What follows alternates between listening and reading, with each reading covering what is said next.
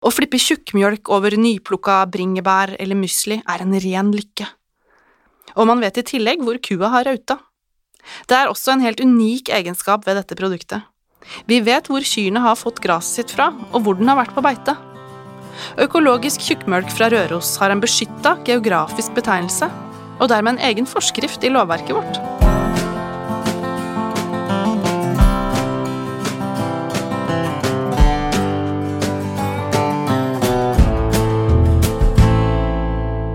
Denne artikkelen sto på trykk i Ren mat nummer 48.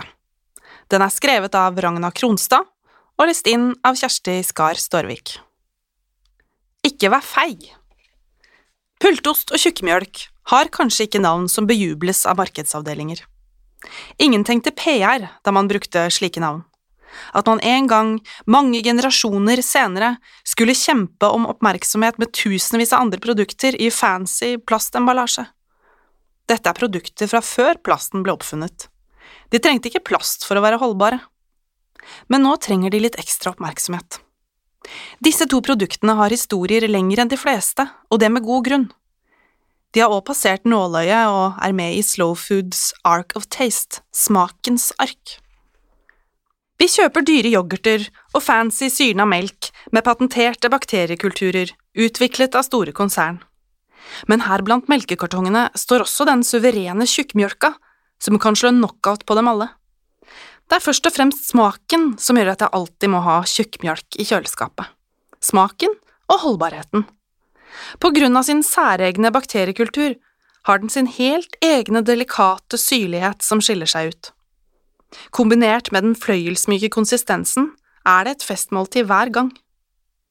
Tidligere skal man ha brukt tjukkmjølk av skumma melk til hverdags og av helmelk til søndag og fest. I butikken finnes begge varianter fra Rørosmeieriet. Tjukkmjølka kan være tjukk, litt puddingaktig om man lar den gli ut av kartongen, eller den kan få vanlig kulturmelkkonsistens om man rister den først. Den har en mildhet og det jeg kaller en kjærlig vennlighet i sin syrlighet, som andre syrna produkter i butikken mangler. Å flippe tjukkmjølk over nyplukka bringebær eller musli er en ren lykke. Og man vet i tillegg hvor kua har rauta. Det er også en helt unik egenskap ved dette produktet. Vi vet hvor kyrne har fått gresset sitt fra, og hvor den har vært på beite. Økologisk tjukkmjølk fra Røros har en beskytta geografisk betegnelse, og dermed en egen forskrift i lovverket vårt. I forskriften står det nøyaktig hvilken region melka er hentet fra. Den økologiske melken som brukes som råvare til produksjon, skal produseres i et område avgrenset til kommunene Rendalen, Folldal, Alvdal, Tynset, Tolga og Os i Hedmark fylke, samt kommunene Røros, Holtålen, Tyddal og de tidligere kommunene Singsås og Budal i nåværende Midtre Gauldal kommune i Trøndelag fylke. Det er bare å drømme seg bort til det vakre landskapet hver gang du tar en skje eller en slurk. Å ha en beskyttet betegnelse vil si at den har en juridisk beskyttelse mot kopier som vil selge på omdømmet og tradisjonen tjukkmjølka er tuftet på. Markedet har ikke akkurat rent over av kopiprodukter. Men markedet tyter over av syrna meieriprodukter som lover mye når det kommer til helsefremmende egenskaper, fordi de er tilsatt probiotiske melkesyrebakterier. Men det er få produkter som kan skilte med å bruke en naturlig bakteriekultur hentet rett ut fra tradisjonen og naturen vår. Det kan tjukkmjølka. Man fikk til det produktet som omgivelsene og det norske klimaet lot deg få til. Melka synet gjerne av seg selv, selv om den ble stående i mildt sommervær. Fortsatt kan man få til kulturmelk bare ved å la melka syne med egen bakteriekultur. Men i dag er det så få godlynte og virksomme bakterier igjen i omgivelsene at det skal godt gjøres.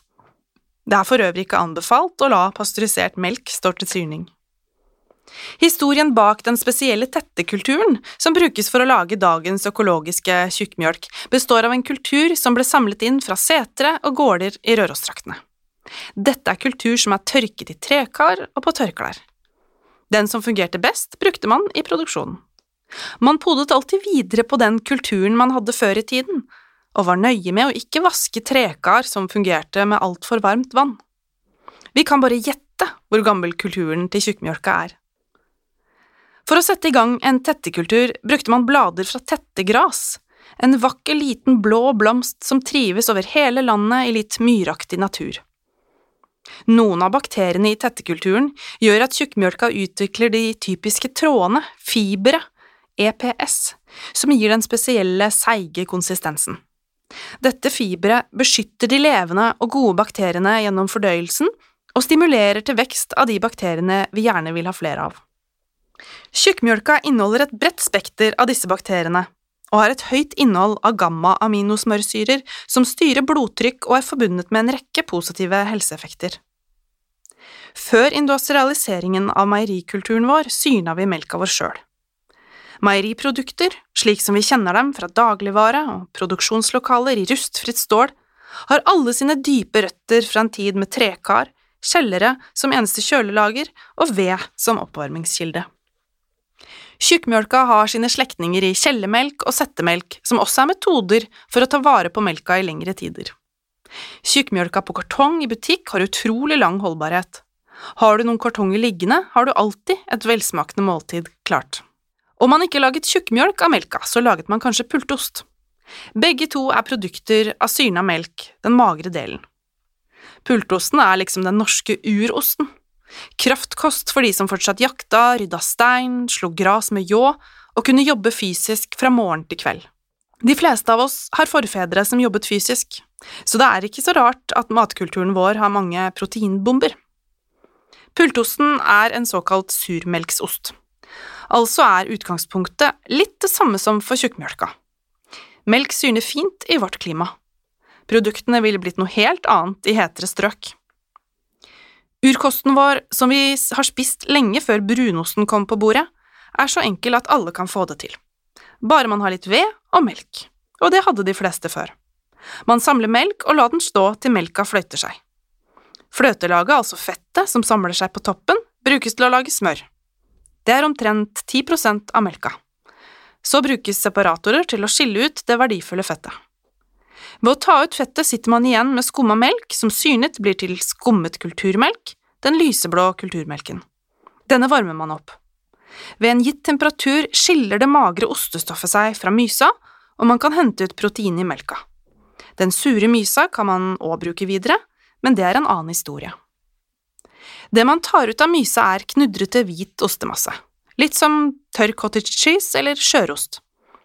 Dette samler man i et klede for å la all myse renne ut i noen dager. Når dette er gjort, legges ostemassen i et trau og knas eller smuldres.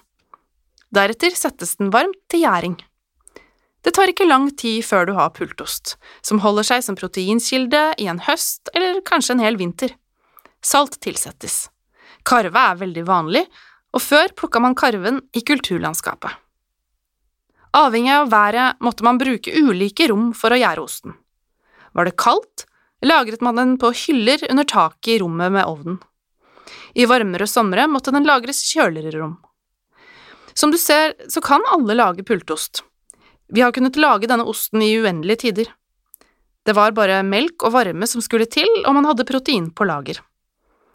Når jeg skriver at det er enkelt, betyr det ikke at all ost blir god. Om den blir god, avgjøres av håndlaget, kunnskapen og erfaringene. Jeg har smakt pultost som ikke er vellykket. Det var ikke en så stor opplevelse. I boka Ysting i Valdres intervjuer Helge Gudheim flere eldre om hvordan de laget pultost.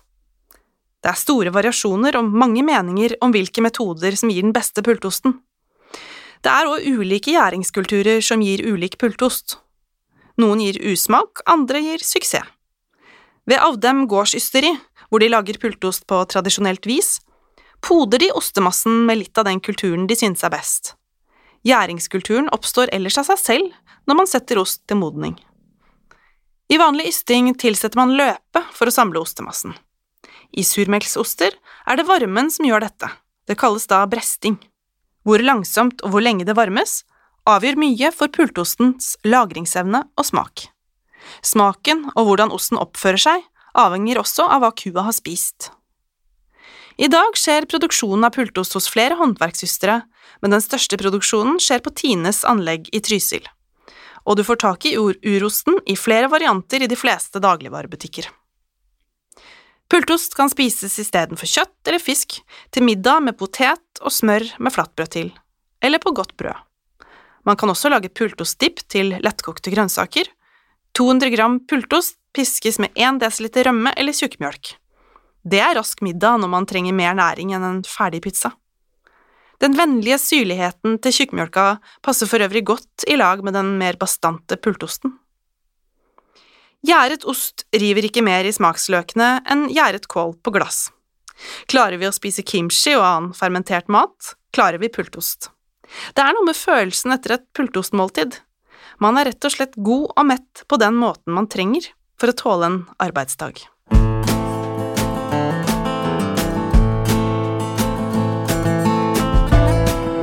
Hvis du likte det du hørte, kan du gjerne gå inn på renmat.no og bli abonnent på papirmagasinet Ren mat. Magasinet kommer ut hver sesong fire ganger i året. Du finner oss også på Instagram og Facebook.